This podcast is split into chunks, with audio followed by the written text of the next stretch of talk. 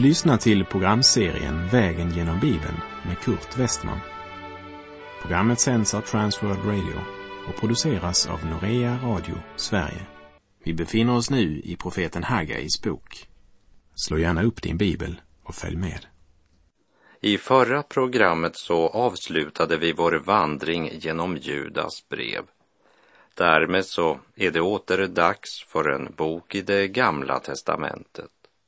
Och den bok vi nu ska studera, det är profeten Hagai bok.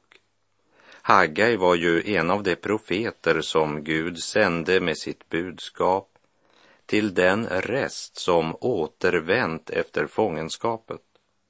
De andra två profeterna vid samma tid, det var Sakarja och Malaki. Hagai nämns med följande ord i Esra kapitel 5, vers 1 och 2.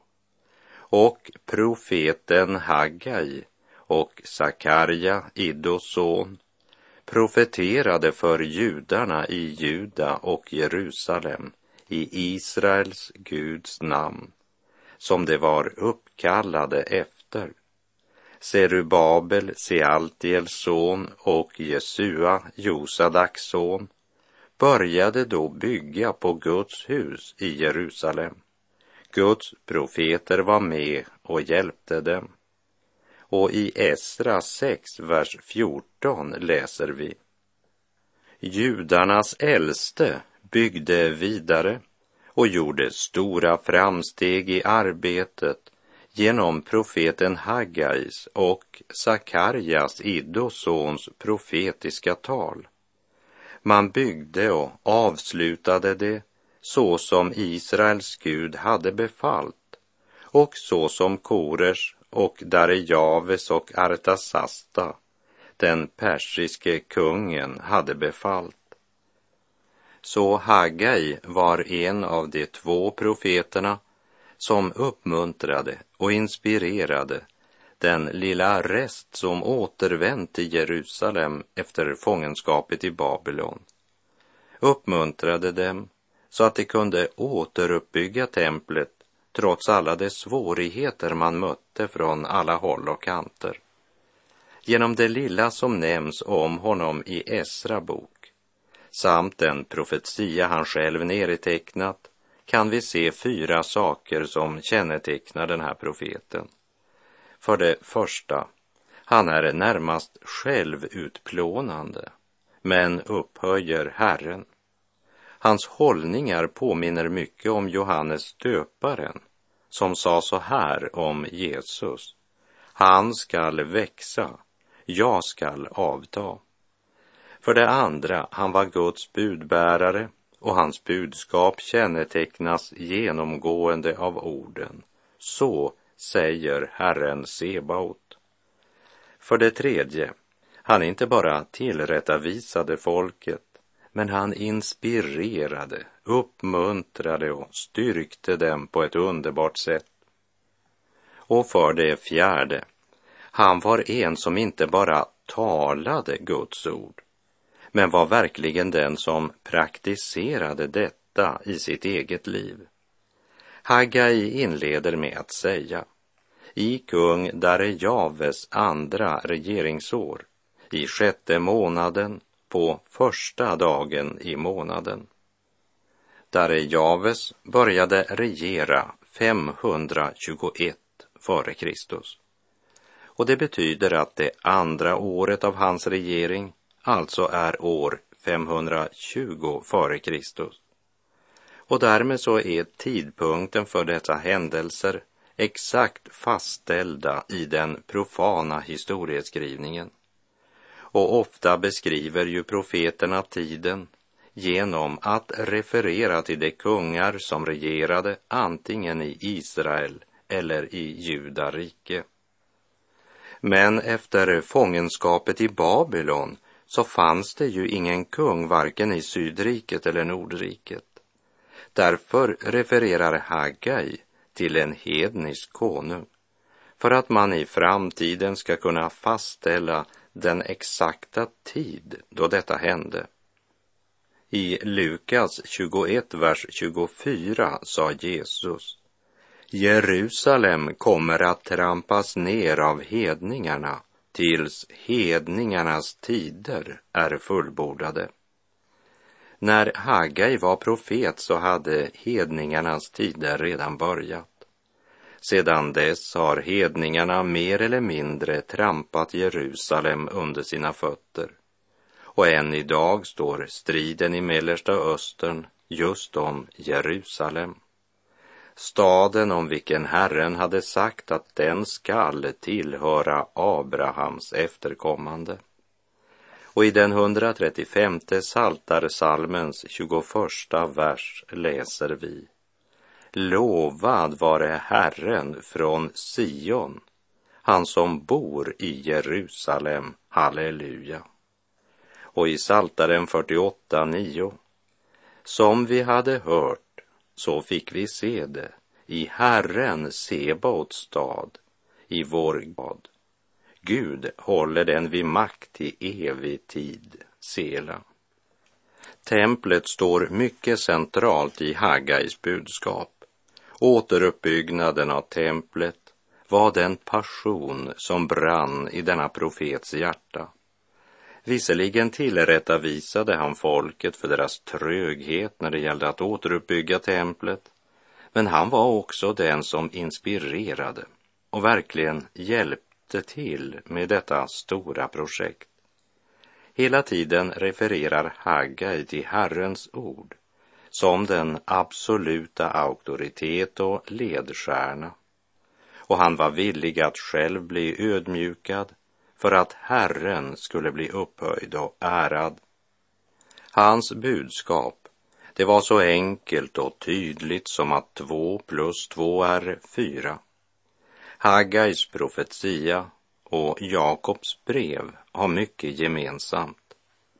Båda fokuserar på det dagliga slitet och hur vi lever och praktiserar vår tro i vardagen.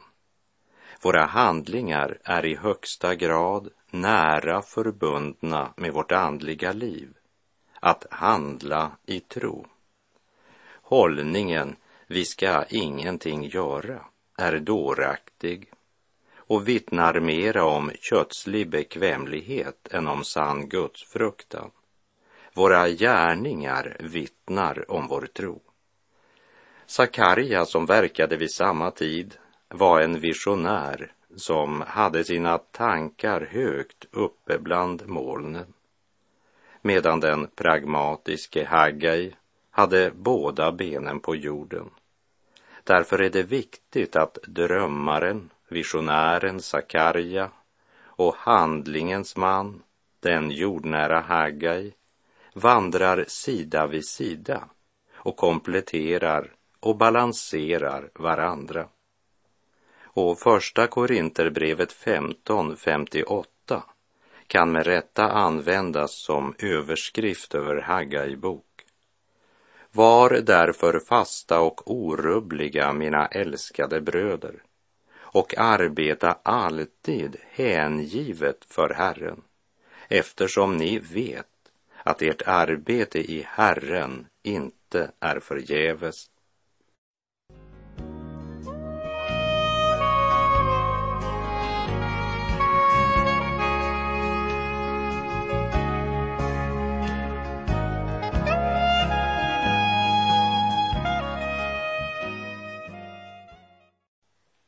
Och de två nyckelverserna i profeten Haggai bok, det är Haggai 1, vers 8 och Haggai 1, vers 14.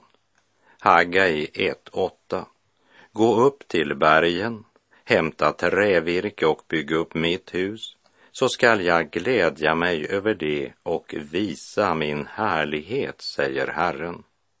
Haggai 1, 14. Och Herren uppväckte en iver hos Serubabels, Sealtiels son, ståthållare i Juda, och hos överste prästen Josua, Josadaks son, och hos hela kvarlevan av folket, så att de började arbeta på Herren Sebaots, sin Guds hus. Och kompassen vi ska använda genom denna bok är tre månader och fjorton dagar enligt kalendern. Boken innehåller fem budskap och varje budskap blev givet vid en bestämd datum. Kalendern förser oss alltså med den röda tråden för bokens innehåll. Vi börjar med Haggai utmaning till folket, kapitel 1, vers 1 till och med 11 vilket är någon gång mellan 29 augusti och 1 september år 520 f.Kr. Haggai var profeten som Gud sände till den lilla rest som återvänt till Jerusalem efter 70 års fångenskap i Babylon. Och när vi nu studerar den här profetboken så lägger vi märke till hur viktigt det är att även betrakta de historiska böckerna vid sidan av de profetiska böckerna. Det är några böcker som hör ihop som en druvklase och det är Esra, Nehemja och Ester för den historiska dokumentationen. Och Haggai, Sakarja och Malaki för den profetiska delen. Och även Daniels bok som nog borde läsas allra först inför vandringen genom dessa böcker i det gamla testamentet. Dessa böcker hör samman och utgör en enhet. En enhet som utfyller och balanserar. Därför är deras samlade kunskap mycket viktig. Skrift tolkar skrift. Haggai och Sakarja profeterade under samma tidsperiod Ändå så var deras sätt att förkunna helt olika. Båda utmanade och uppmuntrade den lilla rest som återvänt för att återuppbygga både templet och Jerusalems murar. I Esra kapitel 5, vers 1 och 2 läser vi och profeten Haggai och Sakarja, Iddos son, profeterna profeterade för judarna i Juda och Jerusalem i Israels Guds namn som de var uppkallade efter. Serubabel, Sealtiels son och Jesua, Josadaks son, började då bygga på Guds hus i Jerusalem. Guds profeter var med dem och hjälpte dem. Så både Haggai och Sakarja omtalas i Esra historieskrivning som de två profeter som uppmuntrade och inspirerade folket att återuppbygga templet och som även gav dem konkret hjälp att bygga. Och i Esra 6.14 läser vi Judarnas äldste byggde vidare och gjorde stora framsteg i arbetet genom profeterna Haggais och Sakarjas, Iddos sons profetiska tal. Man byggde och avslutade det så som Israels Gud hade befallt och så som Kores och Darejaves och Artasasta, den persiske kungen, hade befallt. Vi läser Hagga i kapitel 1, vers 1 i kung Darejaves andra regeringsår i sjätte månaden på första dagen i månaden kom Herrens ord genom profeten Haggai till Serubabel, Sealtiels son, Judas ståthållare, och till överste prästen Josua, Josadaks son. Därmed är alltså datorn exakt fastställd och eftersom vår kalender är något annorlunda så kan det handla om någon gång mellan 29 augusti och 1 september år 520 f.Kr. Tiden är stadfäst genom att referera till den hedniska regent kung Darejaves. Tiden stadfästs inte längre genom någon judisk regent eftersom vi nu är inne i den tid som Jesus kallar för hedningarnas tider. Alltså den tid som började vid den babyloniska fångenskapen och som fortsätter än idag och om vilken Jesus säger så här i Lukas 21, vers 24. Det skall falla för svärdsägg och föras bort som fångar till alla hedna folk. Jerusalem kommer att trampas ner av hedningarna tills hedningarnas tider är fullbordade. Vi lägger märke till att Hagga i verksamhet bygger på det ord han har mottagit från Herren. Och det är detta Herrens ord han förmedlar till Serubabel. Haggai gör klart för oss att det är inte sina egna tankar han proklamerar, men Herrens ord. Till Serubabel, Judas ståthållare, det vill säga den politiska ledaren. Serubabel betyder Babels ättling. Med andra ord, han är född i Babel. Han tillhörde Davids släkt, sonson till Jokonja, som vi läser om i Första krönikebok 3.17. Och han blev av den persiske kungen Kyros utnämnd till ståthållare över Juda. Serubabel omnämns i Esra 5.14 med sitt kaldeiska namn Sesbassar.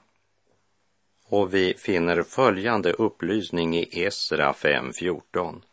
Dessutom lät kung Kores från templet i Babel hämta det kärl av guld och silver som hade tillhört Guds hus, men som Nebukadnessar hade tagit ur templet i Jerusalem och fört till templet i Babel.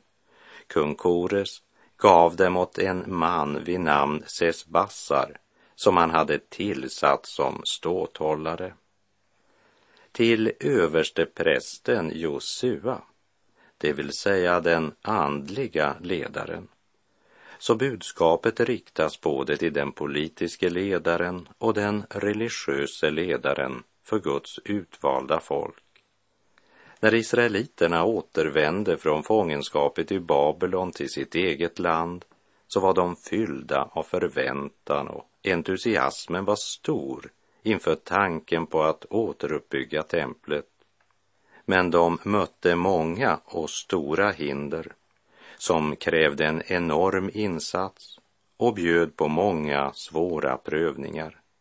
Och när hindren Motståndet och prövningarna hade hopat sig under en tid så var de missmodiga när de började bygga templet.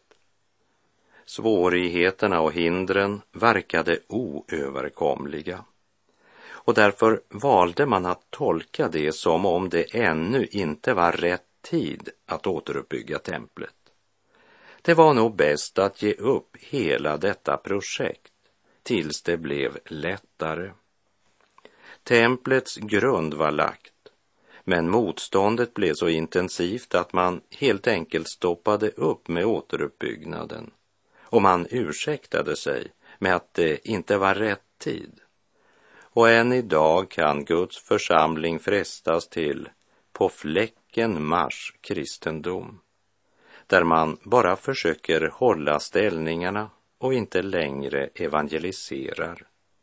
Det är liksom aldrig den rätta tiden att vittna om Gud. Man har gett upp. Och ursäkten, ja, den är vi lever i en så svår tid. Och medan missmodets moln utestänger hoppets, entusiasmen och livets sol förvandlas den brinnande ivern till verksamhet och man börjar krampaktigt hålla på det man har. Och denna ödesdigra kräftgång skyller man på tiden. Budskapet i Haggai bok är högaktuellt i vår tid.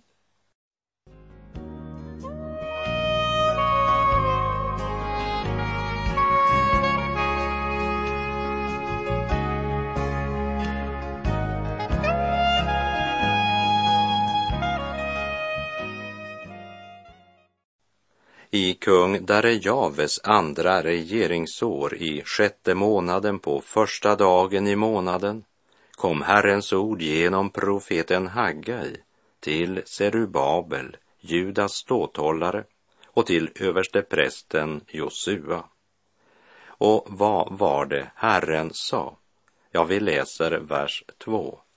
så säger Herren Sebaot, detta folk säger, tiden har inte kommit, tiden att återbygga upp Herrens hus. Som du kanske minns från vår vandring genom profeten Nehemja bok, så var det ett fruktansvärt motstånd mot dem som försökte bygga upp Jerusalems murar. Och nu var det även motstånd mot att bygga upp Herrens tempel och därför säger folket, tiden har inte kommit att återbygga upp Herrens hus. Lägg märke till att Herren inte säger mitt folk, utan här i Haggai kapitel 1, vers 2 säger han detta folk säger. Det betyder inte att Herren har förkastat dem, men han sörjer över deras hållningar som lät bekvämligheten segra över kallelsen att återuppbygga Herrens tempel. Hade de väntat till det de upplevde vara rätt tid hade templet aldrig blivit återuppbyggt. Det Haggai kommer att förkunna kommer nog att svida en hel del, men med profetisk träffsäkerhet kommer han att sätta fingret på det som är den ömma punkten hos många kristna bekännare. Har du någon gång hört om någon som säger att de har gett upp det de försökte göra? Eller att de inte reste till en eller annan plats eftersom det inte var Guds vilja eller inte rätt tid? Och ibland säger de att Herren ledde dem in i någon annan uppgift. Att säga att det är Herrens vilja att göra eller inte göra det ena eller det andra är en kristen kliché som ofta döljer många synder. Det är så lätt när svårigheterna hopar sig, motståndet bara växer och allt blir tungt och svårt att avlägga en rapport till alla som säger Herren ledde mig till något annat. Därmed är det inte vår sak att bedöma den broder eller syster som går över till en annan uppgift. För trots allt så händer det ju att Herren högst konkret leder sina tjänare in i helt nya uppgifter, fast vi tycker de borde stannat kvar där de var. Det finns ju också sådana som stannar av bekvämlighet, fast den Herren försökt kalla dem till uppbrott och nya uppgifter. Så låt oss inte göra något schema och inte lägga vår måttstock på andra. Men fråga oss själva om vi är villiga att förbli i Gud förbli Gud trogna också när det verkar kosta allt att fullfölja tjänsten. Här går mina tankar till en amerikansk soldat som var placerad i Iran strax efter andra världskriget och som där såg den enorma nöd och misär som Irans folk genomgick efter andra världskriget. Då nöden och svälten var så fruktansvärd att förtvivlade mödrar som inte hade någon mat till sina barn i ett sista desperat försök att rädda livet på sin lilla baby la babyn på trappan till något hus i närheten i hopp om att de skulle ha mat nog och ta sig an barnet som de fann på sin trapp. Men på grund av kulturen ansåg man det omöjligt att en mor skulle överge sitt barn och därför drog man den slutsatsen att barnet nog tillhörde en prostituerad. Och eftersom ett sådant barn betraktades som orent ville ingen befatta sig med det. Många barn dog av svält, andra av epidemier och sjukdomar en amerikansk soldat blev så gripen av nöden att han återvände till Iran för att försöka hjälpa dessa föräldralösa barn. Men han fick inte hyra något hus eftersom barnen räknades som orena. Så med egna händer byggde han och hans hustru hus av lera och halm. Deras ende son dog av sjukdom efter en tid. Under tjugo års tid gav de mat och husrum till många, många barn, vittnade om Jesu kärlek i ord och gärning, men inte en enda av barnen hade kommit till tro. När missionären efter 20 år dog i Iran.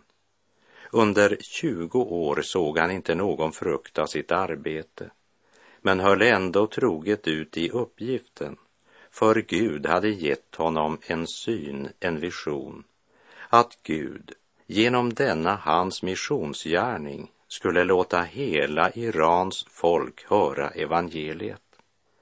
Släkt och vänner i USA talade om ett totalt förspilt liv. Församlingen som hade understött honom lite grann talade om bortslösade medel. För de visste inte att Gud hade en annan plan. Plötsligt var det muslimsk lag som blev gällande i Iran och hade någon av barnen bekänt tron på Kristus så hade de blivit dödade. Men hos ett av barnen bar evangeliet sådd frukt. Och det barnet tog sedan teologisk utbildning och blev därefter den som producerar vårt bibelprogram till Iran. Tänk, genom ett missionärspar som troget höll ut mot alla odds och utan att få se någon frukt av sitt arbete så ljuder nu frälsningens budskap över hela landet som Gud hade lovat. Visionen att missionsarbetet bland dessa föräldralösa barn skulle vara det redskap genom vilket Gud skulle nå hela detta land var en vision given av Gud. Och Gud har ärat detta missionspar som var trogna Herren och genom dina förböner och dina gåvor är Norea Radio idag med och betalar sändningskostnaderna för detta bibelprogram. Det som i de flesta människors ögon såg ut som fel tid och fel plats bär idag kolossalt rik frukt därför att en man och hans hustru förblev trogna den himmelska synen. Deras kallelse kostade dem allt och det såg ut att vara helt förgäves. Men troheten i tjänsten är viktigare än stora resultat.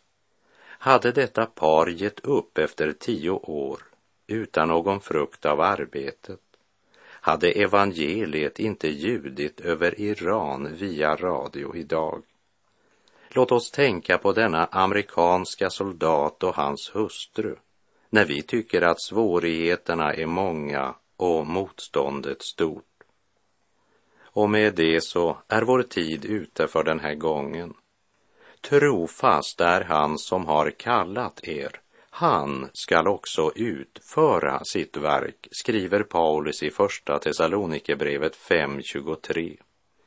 Gud gav oss inte den ande som gör oss modlösa. Herren vare med dig. Må hans helige ande få uppfylla ditt liv och må hans välsignelse vila över dig nu och i all evighet. Gud är god.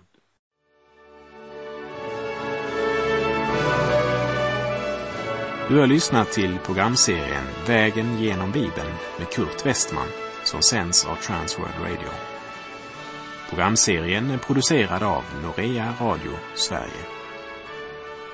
Om du önskar mer information om vårt radiomissionsarbete så skriv till Norea Radio Sverige, box 3419 103 68 Stockholm.